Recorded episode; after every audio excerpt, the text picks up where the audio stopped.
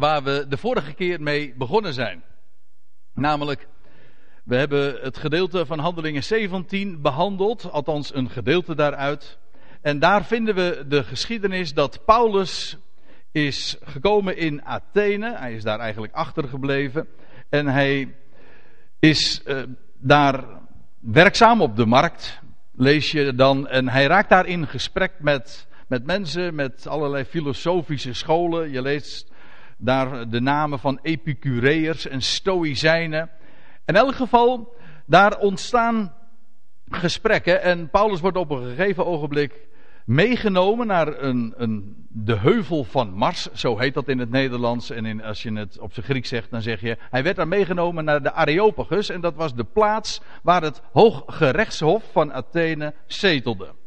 En daar is ongetwijfeld een hele mensenmenigte samengekomen om te luisteren naar wat Paulus te vertellen had. Hij was ook uitgedaagd daartoe.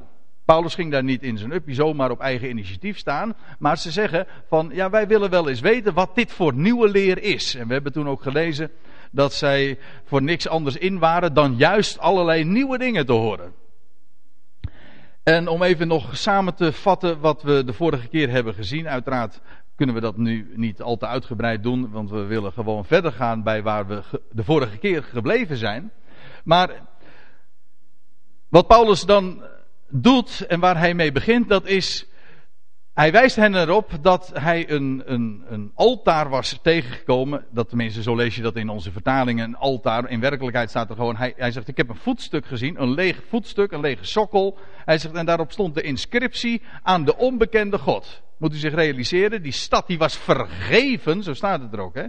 De stad was vergeven van afgodsbeelden.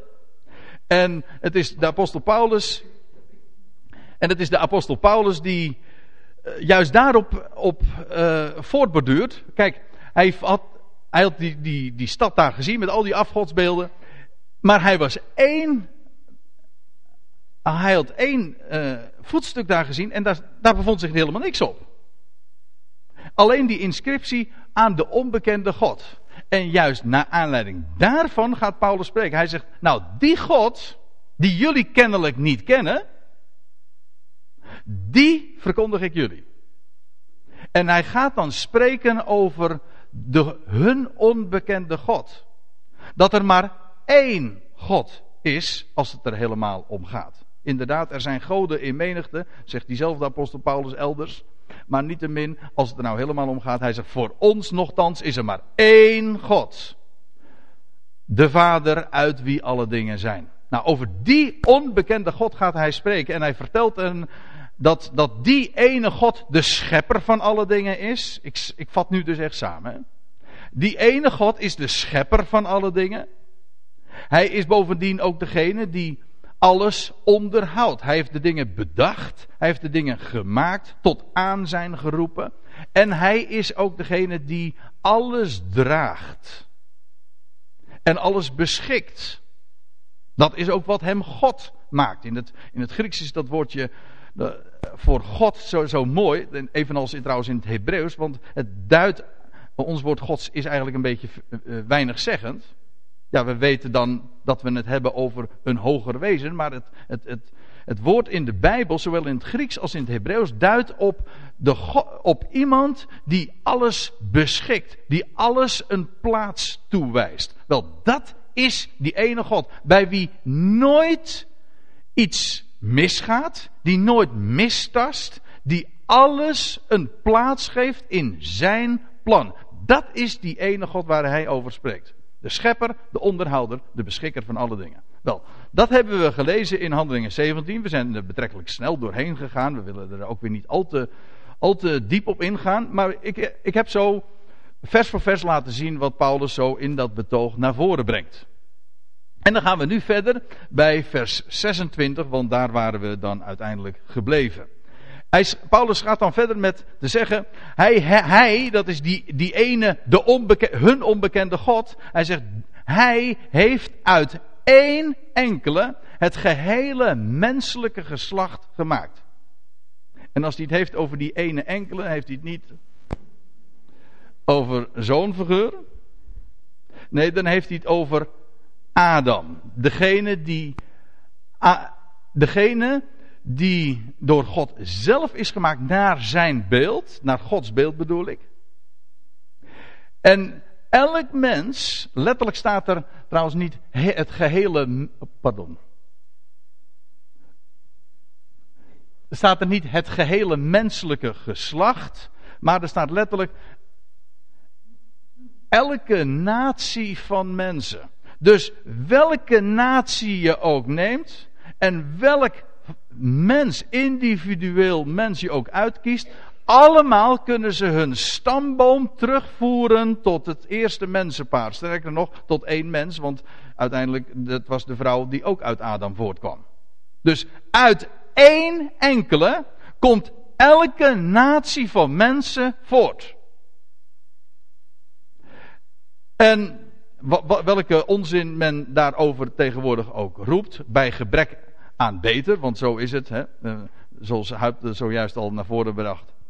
Mensen zijn onwetend en hebben toch overal een mening over, maar dit is wat de Bijbel erover zegt.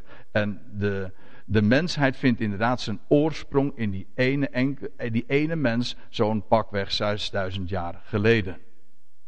En hij heeft uit één enkele het, elke natie van mensen gemaakt, staat er, om op de ganse oppervlakte van de aarde te wonen. Dan moet u weten dat de, de aarde in de Bijbel, dat is niet die, een planeet. Ja, bij ons is dat de aarde de naam van een planeet, maar in de Bijbel is de aarde, dat is niet een planeet, nergens, maar het is gewoon het droge waarop we lopen. God, dat begint al in Genesis 1. God noemde het droge aarde en de wateren zeeën. En als er dus staat om op de ganse oppervlakte van de aarde te wonen, dan betekent dat niet de hele, hele planeet, per slotverrekening driekwart van, de van onze planeet, of zoals we dat dan noemen, dat is zee. Daar kun je helemaal niet wonen. Maar op de ganse oppervlakte van, van het land, van de aarde te wonen. En dan staat er nog vervolgens, en hij heeft de hun toegemeten tijden en de grenzen van hun woonplaatsen bepaalt. Hij heeft het dus over elke natie van mensen. Wel, die hebben tijden toegemeten gekregen en ook grenzen van hun woonplaatsen. Het is trouwens opmerkelijk, dat wil ik toch nog uh, wel een keer op wijzen. Het kan namelijk zijn dat ik de vorige keer dat ook al gedaan heb. Dat Paulus in dit betoog, in deze toespraak, niet ene keer een verwijzing geeft, expliciet, zich beroept op de Bijbel of de Tenach in zijn dagen, eh, ons Oude Testament. Doet hij niet ene keer. Dat zou ook geen indruk hebben gemaakt in de, bij de menigte die hij nu toesprak. Er waren heidense mensen, zij hadden helemaal geen connectie met de Tenach. Hij sprak niet in de synagoge, dat deed hij weer bij andere gelegenheden. Maar hij sprak nu gewoon een heidens gezelschap aan en het is weliswaar zo dat zijn hele betoog doorspekt is van bijbelse waarheid. Maar hij beroept zich niet op de Bijbel. Dat doet hij niet. Hij beroept zich trouwens wel op hun eigen dichters. Dat is wel weer eigenaardig. Dat zullen we straks ook nog wel zien. Maar ook dit is trouwens weer een, geen beroep op de Bijbel. Maar we lezen het natuurlijk al wel in het Oude Testament. En het is op een hele opmerkelijke manier dat dat ook gegaan is. Er staat hier dat God aan, de na, elke natie van mensen de grenzen van hun woonplaats heeft bepaald. En dat is, dat is uh, met, te linken met wat we lezen in, in Deuteronomium 32. Moet u eens lezen hoe, hoe dat is gegaan. Daar staat, toen de Allerhoogste, aan de volkeren hun erfenis, hun erfdeel, de hun toegemeten grenzen van hun woonplaatsen. Toen, God aan de, toen de Allerhoogste aan de volkeren hun erfenis toedeelde, toen hij de mensenkinderen van elkaar scheidde, dit refereert aan de torenbouw van Babel en wat daarna gebeurd is, dat de volkeren, de 70 volkeren, want zo spreekt de Bijbel daarover. Dat weet u toch? De Bijbel spreekt over de 70 volkeren. Als u Genesis 10 leest, dan, en daar vind je de, een tabel van de, de, de zonen van Noach en hun zonen. En de, de oorsprong van de volkerenwereld vindt, die, die, die worden we, daar worden we daarop gewezen. 70 namen worden daar genoemd, 70 stamvaders van volkeren. 70 is daarom ook het getal van de volkeren. Nou, toen hij de mensenkinderen van elkaar scheidde, heeft hij de grenzen van de volkeren vastgesteld. En er staat erbij, naar het aantal van de zonen van Israël. Is dat niet opmerkelijk? Dus dat betekent dat de volkerenwereld is gegroepeerd op de een of andere wijze rond Israël. En het is zelfs zo dat de grenzen van, hun volkeren, van de volkeren zijn vastgesteld, juist naar aanleiding van en op basis van het getal van de zonen van Israël. Terwijl Israël toen der tijd er nog niet eens was. Dat betekent dus dat de 70 volkeren gegroepeerd zijn rond de zonen van Israël. Hoeveel zonen had Israël? Jacob, 12. Niet waar? Dus de, de, de 70 volkeren hebben een plaats gekregen rondom en gegroepeerd om Israël. Israël die daarom ook de, dat de navel der aarde heet. In Ezekiel lees je dat. Trouwens, pak een landkaart en eh, denk even de eilanden weg. Hè, en het grootste eiland Amerika ook. Dan zie je gewoon dat de continenten, Europa, Azië, Afrika, het centrum, de navel is Israël. Dat is het kruispunt van de continenten. De volkeren zijn, hoe dan ook, ze, zijn, eh, ze hebben een plaats gekregen, hun erfenis is toebedeeld naar het aantal van de zonen van Israël. Dat vind je een prachtige verwijzing, typologisch ook in, in Exodus al. Daar lees je, als Israël, als de zonen van Israël uit Egypte getrokken zijn, dan komen zij op een gegeven ogenblik bij een plaatsje, nadat ze bij Mara geweest zijn, bij een, een oase, en dat heet Elim. En daar staat er, daarna kwamen zij in Elim, daar waren twaalf waterbronnen en zeventig palmbomen, en ze legerden zich daar aan het water. Voor de rest wordt er niets over vermeld. Dat is eigenaardig, nietwaar? Dat daar de waterbronnen geteld worden, twaalf stuks. En ook hoeveel palmbomen daar stonden in die oase. Maar dit is een illustratie van de Bijbelse waarheid, namelijk dat de, dat de volkeren, de grenzen van de volkeren, die zijn vastgesteld naar aanleiding van het aantal zonen van Israël. Eigenlijk komt het erop neer dat, dat de volkerenwereld zijn bestaan ontleent aan Israël. Zij zijn de voedingsbodem, vandaar ook de navel. Hè. De navel is ook niks anders dan, dan het kanaal waardoor de voeding naar de rest gaat. Wel, dat is Israël, dat is Israël ook. Israël wordt hier beschreven, in type dan, als twaalf waterbronnen. En zij zorgen ervoor dat die 70 palmbomen daar kunnen groeien. Zij geven het water. Zij geven de voeding daaraan. En dat is precies ook. De volkerenwereld ontleent haar en dankt haar bestaan in geestelijk opzicht helemaal aan Israël. Die palmbomen die staan daar rond de twaalf waterbronnen. Nou, ik, wat ik wil, uh, wil zeggen is dat Paulus, als hij zegt daar op de Areopagus, dat God, de Allerhoogste, de volkeren hun toegemeten grenzen van hun woonplaats heeft vastgesteld, dan, dan, dan zegt hij daarmee heel veel. En hij heeft zijn mond gewoon moeten houden, daar in dat gezelschap, om dat niet uit te leggen. Want het kwam er namelijk op neer dat die volkerwereld helemaal hun bestaan hebben te danken, en ook dat hun grenzen zijn bepaald, helemaal op basis van Israël. Goed. Eh, we, we, volgen het betoog dat de, de, apostel daar houdt, daar op die Areopagus. En dan staat er nog bij van, ja, God heeft daar dus hun, de, hun woonplaatsen gegeven en hun, de grenzen daarvan ook vastgesteld. En dan staat er, opdat zij God zouden zoeken. En of ze hem al tastende vinden mochten. En dan staat er nog zo mooi bij, hoewel hij niet ver is van een ieder van ons. God is, dat is lees je ook al vanaf het begin van de Bijbel, is de verborgen God. De onzienlijke God. Hij is ook niet te tasten, maar de mens is inderdaad. Die, een mens weet, hij is er. Elk mens weet dat. Paulus hoeft dat hier ook verder in dat gezelschap niet te betogen of te bewijzen. Je hoeft dat ook nooit tegen mensen te vertellen. Het valt mij ook iedere keer weer op dat als je over God begint, hoef je helemaal niet te bewijzen dat God er is. Mensen weten dat. Ze kunnen dat wegstoppen. Ze kunnen het ontkennen. Het was nog niet zo lang geleden dat ik een, een uitzending heb gezien met, uh, met Midas Dekkers. Die bioloog die heel vaak uh, op de televisie is en dan vertelt over de dingen in de natuur. En die is een verklaard atheïst. Maar wat, nou, wat, wat zo eigenaardig vond. Hij geloofde absoluut niet in God. En aan het, aan het einde van die uitzending. Toen werd hij toch boos op God. Ja, echt waar. Hij, je kunt de uitzending op het internet ongetwijfeld nog, uh, nog gewoon uh, volgen. Het was een documentaire over zijn persoon, over zijn achtergronden. En, nou, hij, hij, gelooft absoluut niet in God.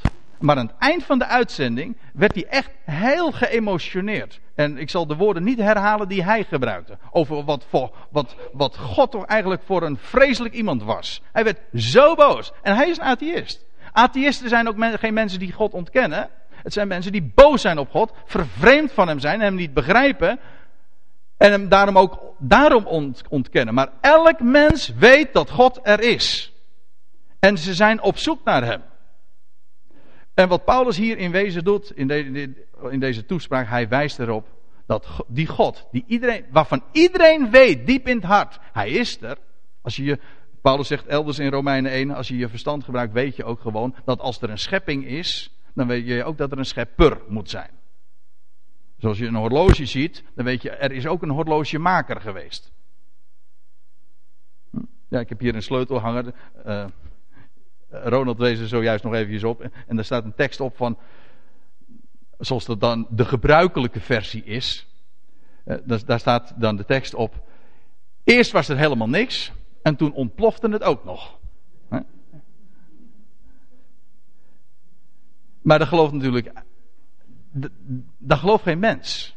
Dat kan helemaal niet. Ja, als je, maar als je het enige zinnige alternatief ontkent, dan moet je eh, op zulke theorieën uiteindelijk gaan steunen. Maar goed, mensen zijn op zoek, eh, dat is ook de bedoeling, dat ze God zouden zoeken of ze hem al tastende vinden mochten. En mensen zijn op zoek, en dan zegt Paulus er zo bij, en hij is niet ver van een ieder van ons, integendeel.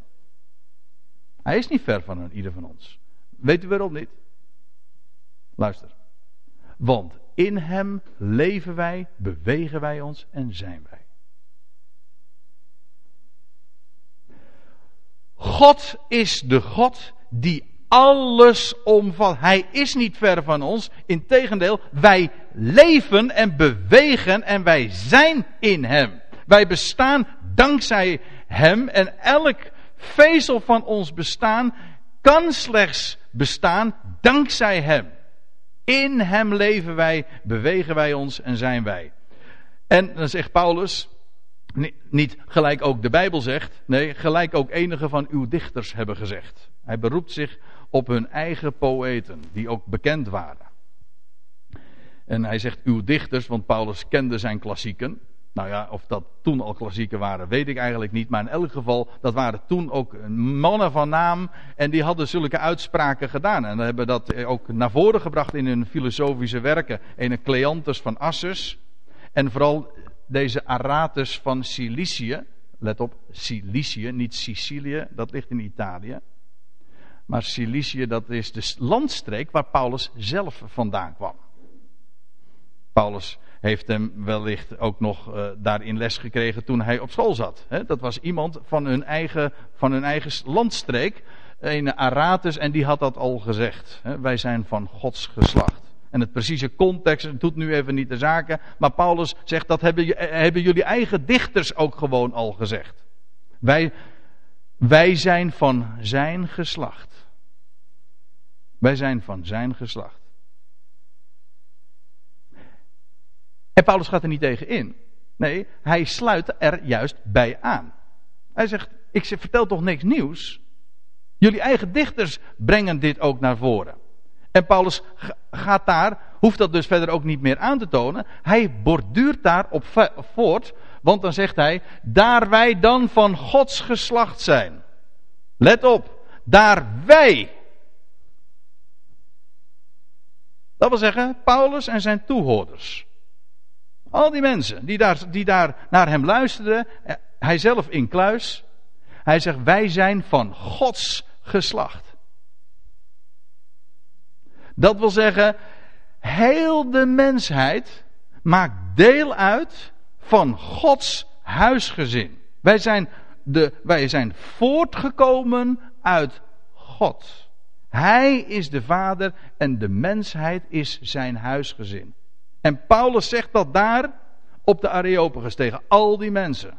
Wij zijn van Gods geslacht. En ik denk dat we nauwelijks de diepte en de hoogte daarvan kunnen vatten. De, kijk, we zeggen wel eens een keer, we zijn maar mensen. Inderdaad, we zijn maar schepseltjes.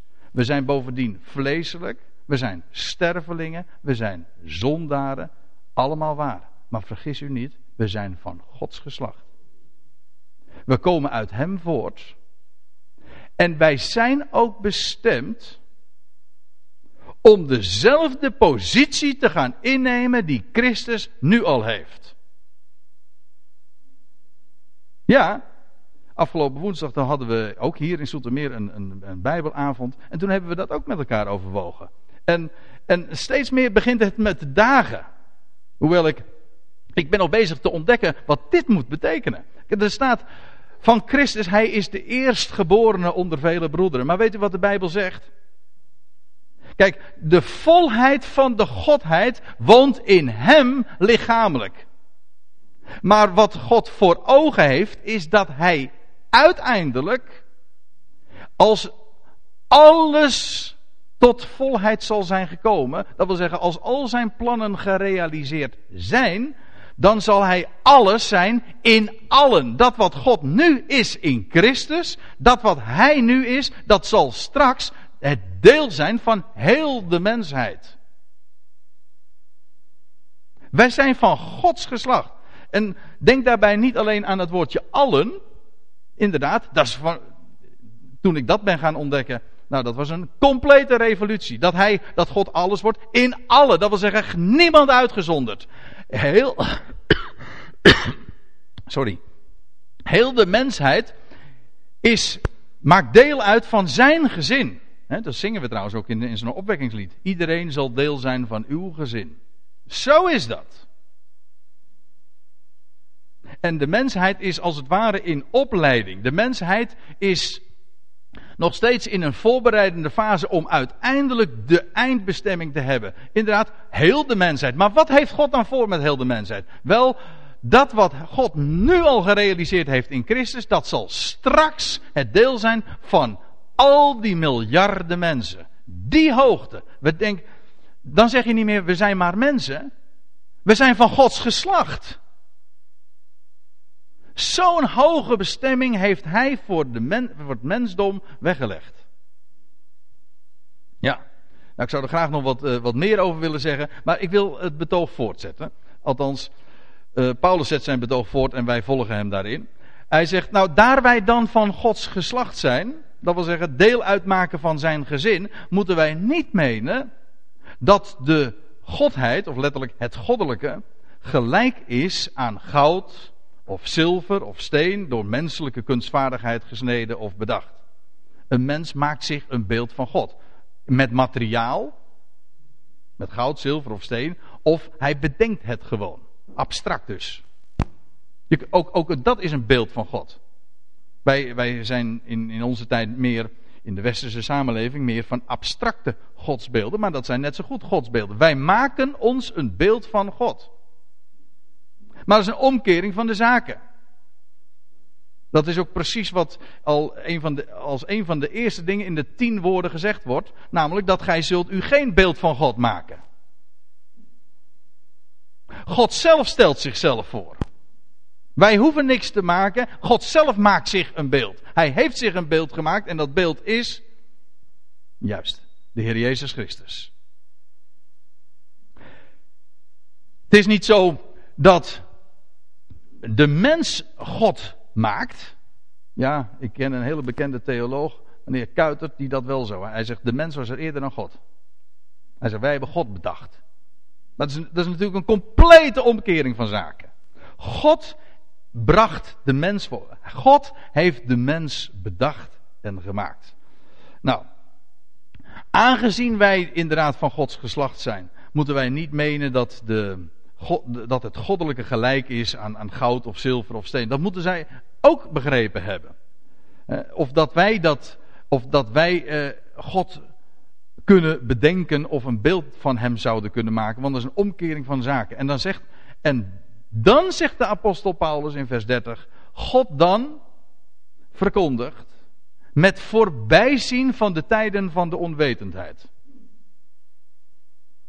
En waar doelt hij hierop? Over die tijden van de onwetendheid. Nou, hij zegt, de toespraak was begonnen naar aanleiding van wat, wat Paulus zegt over dat beeld van die onbekende God. Hij zegt, jullie hebben een God die, waarvan jullie zelf verklaren dat jullie hem niet kennen. Jullie zijn onwetend over hem. Hij zegt nou, ik vertel jullie die onbekende God. Die God die werkelijk God is. Eigenlijk is dat, wat de, de, dat de essentie van zijn betoog hier. God, er is er maar één. En omdat er maar één is, is hij ook werkelijk God. En heeft hij alles gemaakt. Beschikt hij over alles. En heeft hij ook een plan met alles. En gaat er ook niets buiten hem om en dus ook niets mis. Dat is allemaal wat het betekent dat er één God is. Nou, en Paulus zegt dan, God dan verkondigt met voorbijzien van deze tijden van de onwetendheid. Ja. Al die tijden dat jullie God niet hebben gekend, wat jullie zelf ook verklaren. zeggen mensen trouwens nu nog. Hè? Mensen benoemen zich als, als atheïst. Of, ze, of in de praktijk zegt men van we, we zijn agnost. Agnost betekent gewoon, dat is het woord wat hier gebruikt wordt. Agnost. Onwetend. Onbekend met. In de praktijk is trouwens een atheïst ook, of een agnost ook, een, nee zo moet ik het zeggen, een agnost ook een atheïst. Dat wil zeggen, als je zegt van we weten niks, dan, dan doe je dus ook geen uitspraak over God. En sluit je God dus alsnog buiten je wereld. Heb je nog geen God? Nou, God dan verkondigt met voorbijzien van al van die, van die tijden van de onwetendheid die voorbij gegaan zijn. Heden aan de mensen dat ze allen overal tot bekering moeten komen. Dat zij allemaal overal tot bekering moeten komen. Nou moet ik er wel iets bij zeggen. Want dat woordje bekering, dat ik, dit is het Griekse woord wat gebruikt wordt. Als u eh, in het Griekse Nieuw Testament kijkt, dan zult u dit woord tegenkomen. Maar dat is het woordje metanoia. Dat is het stamwoord metanoia. Maar dat betekent letterlijk, het eerste deel betekent met of na. En dat betekent, noia betekent denken of denkzin. En, moet ik erbij zeggen, ja, u kent het woord wel, hè? Metanoia misschien eh, is u onbekend, maar hebben we wel eens gehoord van paranoia? Ja, dat betekent dat je denken ernaast zit. Para betekent naast, dat je inderdaad niet meer uh, in staat bent om te denken. Dan zit je er naast, ja. Maar dat woord bekering, wij denken, als je, kijk het maar eens na in, in een woordenboek en vraag het maar eens aan mensen wat bekering is. Ze zeggen, zeggen ze, ja, bekering betekent gewoon dat je, dat je verandert van godsdienst of dat je een bepaalde godsdienst aanneemt. Dat is, de, dat, dat is de betekenis die mensen eraan geven. En dat is nou precies ook de reden waarom ik helemaal niet gelukkig ben met dat woordje bekering. Want dat betekent het namelijk juist niet. Dat bekering, het woord zelf betekent eigenlijk niets anders. Metanoia betekent nadenken of omdenken. Of een uh, meer Nederlands woord daarvoor is bezinning. Zij waren onbekend met God. En nou vertelt Paulus dat er één God is en dat die God werkelijk God is. En hij zegt, als jullie dat nou weten, kom dan tot bezinning. Als je dat weet, realiseer je dan ook wat dat inhoudt. Kom tot bezinning. Dat is het woord. Het wordt in, in onze vertaling trouwens, in onze MBG-bijbel, wordt het woordje uh, weergegeven. Dat woordje metanoia wordt weergegeven met bekering. En bij, in andere gelegenheden wordt het weer vertaald met berouw. Ook berouw, dat heeft weer veel te maken met spijt. Maar het woord betekent gewoon bezinning. Het is helemaal geen godsdienstig begrip. Het is een woord dat betekent dat een mens zijn verstand zou gebruiken. Als je onbekend bent met iets, ja, dan kun je je niet bezinnen erop ook.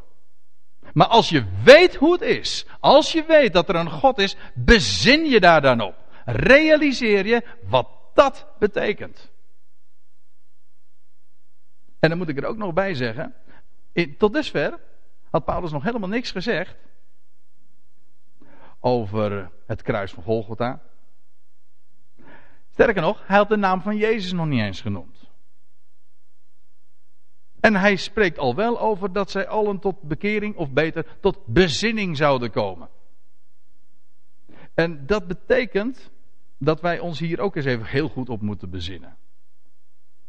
Kijk, elk mens zou weten dat God God is. Elk mens.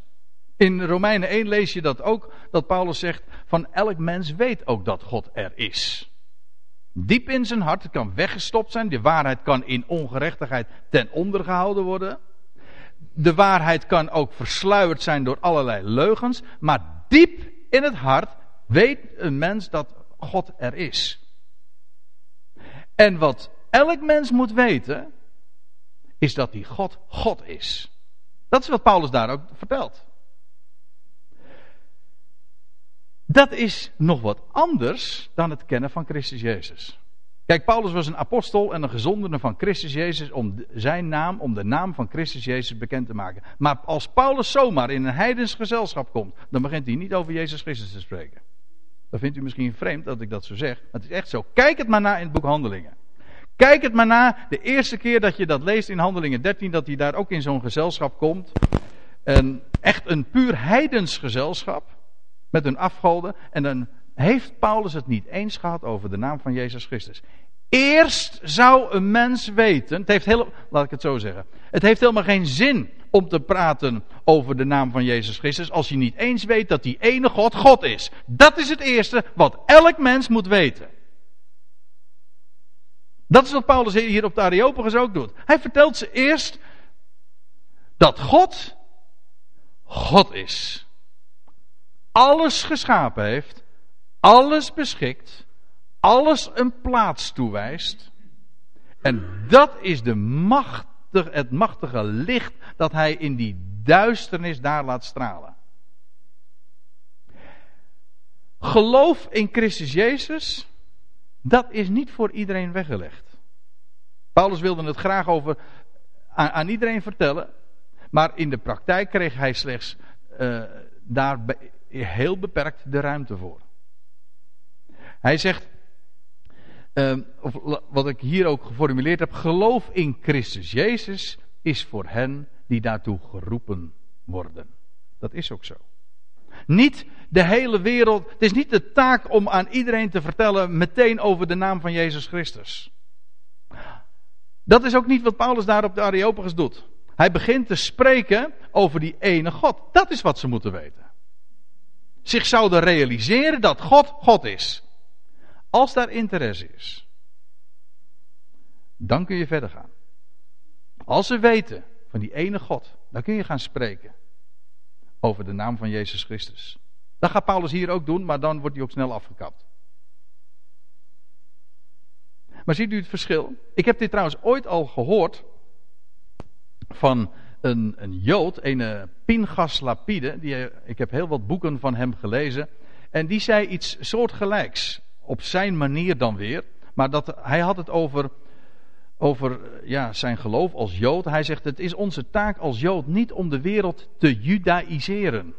Hij zegt, wij, hij zegt, eh, wij als Joden hebben helemaal niet de drang om de hele wereld Joods te maken. Hij zegt, wij hebben niet de roeping om alle mensen te judaïseren. Hij zegt maar, sorry voor de moeilijke woorden, maar ik leg het uit. Eh, maar wel om de wereld te monotheïseren. Dat wil zeggen, niet om de hele wereld joods te maken, want hij was zich ervan bewust, conform de Bijbel, dat God een, een volk heeft geroepen uit alle volkeren, het volk van Israël, met een speciale bediening en een speciale taak ook. Een volk van koningen en van priesters. Hij zegt, niet elk mens moet een jood worden. Hij zegt, elk mens moet wel weten dat hij er is. Dat moet elk mens weten.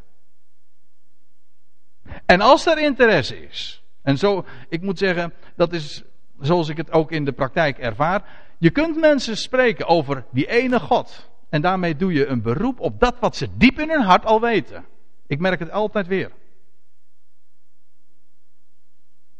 Je hoeft het niet te bewijzen. Je spreekt hen gewoon op aan. Over die ene God. En altijd is daar die herkenning. En ik zie vaak ook dan de, de, de, de ogen oplichten. Ik, ik, mag, ik heb tegenwoordig sinds een korte tijd eh, mijn beroep werkt me erg mee daarin. Ik mag buitenlanders inburgeren en dan, dan, en dan spreek ik alle, alle, mogelijke naties, mag ik wel zeggen, alle naties van mensen. Mag ik aanspreken en ik moet ze Nederlands leren, maar tussen de bedrijven door ja, ja, kom je zo vaak te spreken over toch over ja, de, de achtergronden van dingen. En dan kom je altijd te spreken over God. En ik merk altijd dat mensen de, dat als een vanzelfsprekendheid ervaren. Ze, herkenning althans. En ik zie ook de ogen oplichten op het moment dat je zegt van er is iemand die alles een plaats geeft. Of dat alles gewoon volstrekt zinloos is en ze toegeschreven moet worden aan een oerknal zoveel miljard jaar geleden. En dat het gewoon helemaal nergens om gaat. En dat er ook helemaal geen bestemming is. Dat is wat de mens duister maakt. Maar ik vind het zo geweldig. Om, te, om, om mensen erop te wijzen dat er een God is. Die werkelijk God is. Kijk. En dat geldt voor ons ook. We mogen elk mens daarop wijzen. En als daar interesse is. Als je merkt van hé. Hey, daar zijn oren die luisteren. Dan kun je ze spreken. En dan kun je ze vertellen van die ene naam door wie God zijn plannen gaat realiseren. Maar dat is, dat is niet voor iedereen weggelegd. Dat zegt de Bijbel ook. Goed. Bij een andere gelegenheid wil ik daar toch nog eens wat, wat dieper op ingaan. Maar de wijze waarop Paulus hier op de Areopagus staat en zijn publiek confronteert met de ene God en zegt: Elk mens zou tot bezinning komen om zich dat te realiseren, dat er één God is. Maar dat is iets anders nog dan dat ze ook inderdaad weet hebben van en geloven in de Heer Jezus Christus. Nou, want Paulus krijgt de gelegenheid om te spreken over, over, over die God. En hij zegt ook dat mensen tot bezinning daarvan zouden komen. En dan gaat hij dat ook motiveren. En wat blijkt, ik kan het u alvast wel verklappen. Als hij dat gaat motiveren. En gaat, gaat praten over, over die ene man, Christus Jezus. Hij noemt zijn naam trouwens niet. En over de opstanding, dan wordt hij afgekapt. Maar Paulus zegt hier, hij zegt, God heeft een dag bepaald. Er komt een dag waarop hij de aardbodem rechtvaardig zal oordelen. Er komt een dag dat hij de aardbodem, de bewoonde wereld, de oikomene staat hier eigenlijk, de, de bewoonde wereld rechtvaardig zal oordelen. En wij luisteren misschien nu met onze belaste christelijke Calvinistische oren en horen daarmee dingen die Paulus niet zegt. Dan denk ik, oh oh, dit is verschrikkelijk. Laat ik u dit vertellen. Dit is blijde boodschap, mensen. Als Paulus zegt van dat er een dag, God een dag heeft bepaald, of een dag bepaald waarop hij de aardbodem rechtvaardig zal oordelen, dan is dat exact hetzelfde als wat we in, in de psalm al lezen, psalm 98. Ik zei al, hij beroept zich niet op de Bijbel, maar het staat, het, het staat vol feitelijk van Bijbelse waarheid, die we al in het Oude Testament aantreffen. Hij komt, eh, ik heb haast de neiging om het weer berijmd te zingen, zoals ik dat vroeger ooit in de kerk deed. Hij komt om de aard te richten. Hij zal de wereld richten in gerechtigheid en de volkeren in rechtmatigheid. Dit is blijde boodschap. Aan het onrecht in deze wereld gaat een eind komen. Er komt een dag, zegt Paulus, Dat God de wereld gaat richten. Inderdaad, rechtvaardig. Dat was, richten betekent gewoon recht zetten. Dat wat krom is, dat wat nu ongericht is en al, uh, het gaat alle kanten op. Het heeft helemaal geen, geen, geen doel. Wel, alles zal straks weer zijn bestemming krijgen. Gericht worden. Rechtgezet worden. Dat wat krom is, gaat hij recht maken. Dat is toch een blijde boodschap? Bij al het kromme wat er in de wereld is, zegt Paulus, er is een God. Hij is niet ver van een ieder van ons. Want in hem leven wij, bewegen wij ons. En er komt een dag dat alles wat in deze wereld krom is, hij dat recht gaat maken. Alsjeblieft. Is dat een blijde boodschap of niet? Hij zegt er dan nog bij, door een man die hij aangewezen heeft. En waarvan hij voor allen het bewijs geleverd heeft door hem uit de doden op te wekken. Dit is het slot van de toespraak. Niet omdat Paulus dat zo gepland heeft, omdat hij hier amen zei, maar gewoon omdat hij hier onderbroken wordt en uh, nu, nu is het genoeg. Verder kon hij niet gaan. Waarvan hij voor allen het bewijs geleverd heeft door hem uit de doden op te wekken. Elders in het boek Handelingen lees je ook dat dat, dat door de, de apostel Paulus, maar ook door de anderen, gewoon ook zo verteld wordt. De opstanding van Jezus Christus is namelijk een historisch bewezen feit. En zo werd het ook in het boek Handelingen naar voren gebracht. Als Paulus voor Agrippa staat, dat, is, dat zou trouwens nog een, een latere, bij een latere gelegenheid zijn, dan zegt hij van, ja, hij zegt, als hij ook gesproken heeft over de opstanding van Jezus Christus, en dan zegt hij tegen, en die Agrippa die valt hem dan ook in de reden, en dan zegt, dan zegt Paulus van, maar ik, hij zegt, wat ik vertel, dat weet u toch ook? Hij zegt, het is toch niet een of andere uithoek gebeurd? Hij zegt, u weet er toch van wat er in Jeruzalem plaatsgevonden heeft? U weet toch van dat lege graf? En u weet toch van al die dingen die er gebeurd zijn? Dat is historisch. Dat is, God heeft aan alle het bewijs geleverd. Het is gedocumenteerd. En Paulus zegt in, zijn, in de Korinthebrief, en hij is, een, hij is een dief verschenen, hij is een dief verschenen. Hij is bij een gelegenheid aan, aan 500 broeders tegelijk verschenen. Hij zegt, en dan schreef hij nog bij, van wie het merendeel thans nog in leven is. Dat wil zeggen, ga het maar na. Ja, wat wil je nog meer? En hij heeft daarvoor allen het bewijs geleverd. En feitelijk is Paulus hier aangeland op een punt waar hij ook over ter verantwoording was geroepen. Toch? Want ze, hoe was het ook alweer, wat we de vorige keer hebben gezien? Dat, ja, ze hoorden Paulus daar op die markt spreken, over, inderdaad over God, maar ook over, over ene Jezus. Naam kenden zij niet. En over Anastasis, zij dachten dat dat een godin was. Hè? Maar hij sprak natuurlijk gewoon over de opstanding. Nou, en dan, naar aanleiding daarvan, wordt hij naar voren gehaald en mag hij tekst en uitleg gaan geven. Want ze wilden wel eens weten wat die nieuwe leer inhield.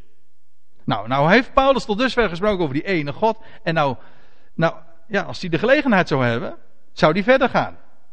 En dan gaat, zou hij gaan spreken over de naam waar, en over die man die God heeft aangewezen, die hij uit de doden deed opstaan. Maar eerst halt. Let maar op. We lezen in vers 32. Toen zij nu van een opstanding van doden hoorden, spotten sommigen. Daar staken ze de draak mee. Dit ging namelijk ook zo in tegen alle Griekse filosofie. Een, een opstanding. Zij dachten, dat is typische Griekse filosofie, aan een onsterfelijke ziel. Hè. De, dit lichaam is een kerker. Eigenlijk, eh, daar zit je ziel in gevangen. En als je doodgaat, dan word je eigenlijk bevrijd daarvan. Eh, eh, de gedachte dat God een plan heeft met het lichaam. En op, de, de doden doet opstaan, dat, is, dat ging helemaal in tegen hun filosofie. Het stond er haaks op. En daarom staat er ook, uh, toen zij nu van een opstanding van doden hoorden, spotten sommigen. Maar anderen zeiden, wij zullen u hierover nog wel eens horen. De vraag is trouwens of we dat nou zo positief moeten opvatten, want ik beluister hierin vooral een, een cynische toon van nou, misschien als we nog eens interesse hebben, mag je daarover nog eens praten. Eigenlijk is dit een blijk van onverschilligheid. Het is trouwens wel eigenaardig, want als Paulus in synagoges vertelt over, over hem, die de vervulling is van, van de Joodse boeken, van de geschriften, van de, van de woorden van de profeten, dan stuit hij op zoveel verzet. Weet u waar hij in het, in het intellectuele centrum van die dagen, dat was de stad Athene, als hij dan het evangelie gaat vertellen, dan stuit hij niet zozeer op verzet, als wel op onverschilligheid. Dit gaat zo, dit is de Grieken een dwaasheid. Met recht. Een dwaasheid. Ze spotten daarover of onverschillig zeggen we ze van we zullen u daarover nog wel eens horen. Nou, en dan lees je al dus vertrok Paulus daar uit hun midden. Dat wil zeggen, hij vertrok daar van die plaats de Areopagus. Maar staat er dan nog bij, doch enige mannen sloten zich bij hem aan en kwamen tot geloof. Letterlijk staat geloofden.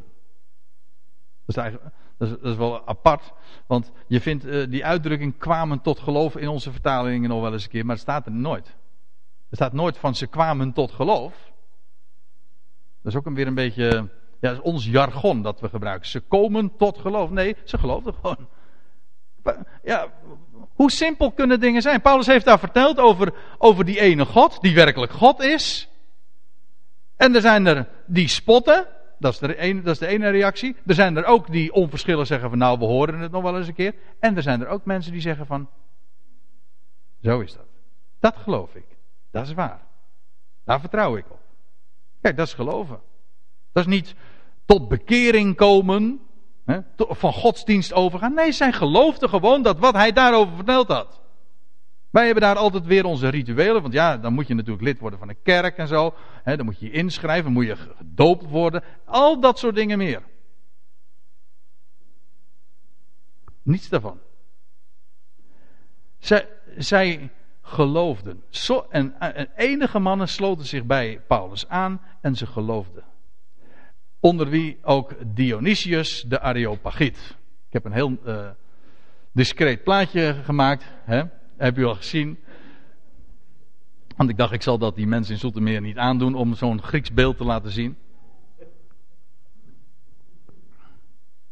Ja, want Dionysius, dat is, uh, zo leuk. Want een van die mannen die dus Paulus geloofde, dat was een Areopagiet. Dat was dus een zeer hoog geplaatst iemand. Wat een Areopagiet, dat betekent, hij maakte deel uit daarvan de Areopagus, dat wil zeggen van het Hoge Rechtshof van Athene. Vandaar ook dat zijn naam hier expres ook genoemd wordt. Dat was niet de eerste, de beste. Ene Dionysius, de Areopagiet, hoorde ook bij degene die Paulus geloofde. En dan staat er. Ja, ik vind het wel leuk om er even op te wijzen dat hij Dionysius heette. Want dat is de Dionysius, dat is de Griekse variant van de Latijnse Bacchus. Dat is hetzelfde, alleen het ene is Latijns en het andere is Grieks. Maar u kent toch Bacchus, hè? Of kent u Bacchus niet? Nee, niet Bach, Bacchus. Dat is de god van de, de drank. U ziet ook een beetje aan zijn, aan zijn, op afstand zie je al van, nou, die is niet helemaal nuchter. Hè? Hij drinkt, hij is bedronken, hij is niet nuchter. Maar deze Dionysius, dat vind ik dan wel weer leuk. Hè? Hij heette Dionysius, maar hij kwam tot geloof. Of nee, hij geloofde. Dat wil zeggen, hij werd nuchter. Hij kwam tot bezinning. Hij werd, hij werd nuchter, ja. En dan lees je ook nog, en een vrouw genaamd Damaris, kennelijk ook een aanzienlijke vrouw, aangezien ze haar naam met, uh, met opzet kennelijk genoemd wordt. En een vrouw genaamd Damaris, en ook nog anderen met hen. Dus de oogst is misschien wat mager, zeker als je het vergelijkt met wat, wat er elders in het boek Handelingen dikwijls ook gebeurde. Maar tegenover zoveel onverschilligheid en spot waren er toch ook een aantal mensen die geloof hechten aan dat wat Paulus verteld heeft. En ze hebben herkend dat het werkelijk een goed bericht was. Dat vind ik zo mooi, hè? Want Paulus heeft hier geen woord van aanklacht geuit naar hen toe. Hij heeft op de Areopagus gestaan en hij heeft hen gewoon gesproken over de rijkdom van, van het weten dat er een God is die werkelijk God is. En, en dat, dat sloeg nog wel aan. Dat herkenden zij. Maar toen, ze, toen hij ging spreken over, over die ene man die God uit de doden deed opstaan, ja, dat, dat ging te ver. Ik wil hiermee eindigen met wat we lezen in, wat dezezelfde apostel Paulus heeft gezegd over de wijsheid van deze wereld. En dan zegt Paulus in, in Romeinen 1, nee pardon, in 1 Korinthe 1, dat hele hoofdstuk gaat daar eigenlijk over, over de, over de wijsheid van deze wereld, die de waasheid is van God. En vice versa moet ik zeggen. Dat wil zeggen, de wijsheid, uh, de, uh, de wijsheid van, de, van God is dwaas voor de wereld. Absoluut. Dat is dwaas. En wat zo'n verhaal als dat je leest in Handelingen 17 illustreert dat zo prachtig. Dat Paulus daar gaat spreken over de opstanding en op het moment dat hij daarover gaat spreken, te midden van, van al die intellectuele mensen en uh, al die, die filosofische scholen, dan, dan vindt dat geen enkele aansluiting. Dat is dwaas in hun oren. Maar Paulus zegt, wij prediken een gekruisigde Christus. Dat wil zeggen, een Christus die ooit aan het kruis hing. En uiteraard opgestaan is uit de doden, want daardoor is hij ook de Christus geworden. Hè? Wij prediken een, een, een, iemand die aan een hout heeft gehangen en die uit de dood is opgestaan. De gekruisigde en opgestane Christus. Hij zegt, voor Joden is het een aanstoot, een struikelblok. Dat zie je altijd in het boek Handelingen ook geïllustreerd. Hij zegt maar voor heidenen is het een dwaasheid. Voor de ene categorie is het een aanstoot. Voor de godsdienstige mens, die struikelt daarover. Die, kan het ook, die verdraagt het ook niet. Hè? Dat is nog steeds zo. Vertel de godsdienstige mens het goede bericht van God die van deze wereld houdt en van God die in zijn zoon Christus Jezus de wereld redt. Vertel het ze en het is een aanstoot. Ze struikelen erover. Voor de wereld, de niet-religieuze wereld, is het geen, geen aanstoot, maar het is gewoon dwaasheid. Het vindt geen aansluis bij hun denken. En ze spotten daarmee. Of de reactie is onverschillig. Men heeft vaak nog wel in de gaten, dat herkent u ongetwijfeld ook, dat als je erover spreekt, dat ze zeggen van, nou ik begrijp wel dat jij er veel aan hebt. Hm? En dat het zo waardevol voor jou is. Want ze kunnen er natuurlijk niet onderuit dat als je het goede bericht vertelt, dat het inderdaad een heel goed bericht is. Alleen het is dwaar. Dat is te mooi om waar te zijn. En dus word je neergezet gewoon als een dwaas. Maar ik zou zeggen, wees er trots op. Wees, een, wees er trots op als ze je in de godsdienstige wereld uitspugen. En als ze je in de, in de rest van de wereld, zeg maar, als ze je uitmaken voor een dwaas. En zeggen van, dat is, dat is te gek. Inderdaad, het is ook te gek. Hm? Maar dan in de andere zin des woords, ja. Ja. Wij prediken een gekruisigde Christus. Voor Joden een aanstoot. Voor heidenen een dwaasheid. Maar voor hen die geroepen zijn. Dat is select. Inderdaad, niet de hele wereld wordt vandaag christen of gelovig. Hoef je ook helemaal niet te verwachten. Daar God ook helemaal niet op uit. Ik weet wel een heleboel mensen die zijn daar wel. Die hebben dat als hun grote missie. Hè? Om alle volkeren nu te maken tot zijn discipelen. Nou, dat kun je wel vergeten. Dat gaat wel gebeuren, maar op zijn tijd. En dan, en dan zal daar ook weer het kanaal van zegen, de zonen van Israël, u weet wel, hè, die twaalf uh, waterbronnen, die gaan daarvoor gebruikt worden. Om al die zeventig volkeren daarvoor de voeding te geven. Maar nu spreken we over die ene God. En over, voor degene die het horen willen, die God bestemd heeft, voor degene die hij roept, spreken wij over Christus, de gekruisigde Christus. Voor hen die geroepen zijn de kracht van God en de wijsheid van God. Amen.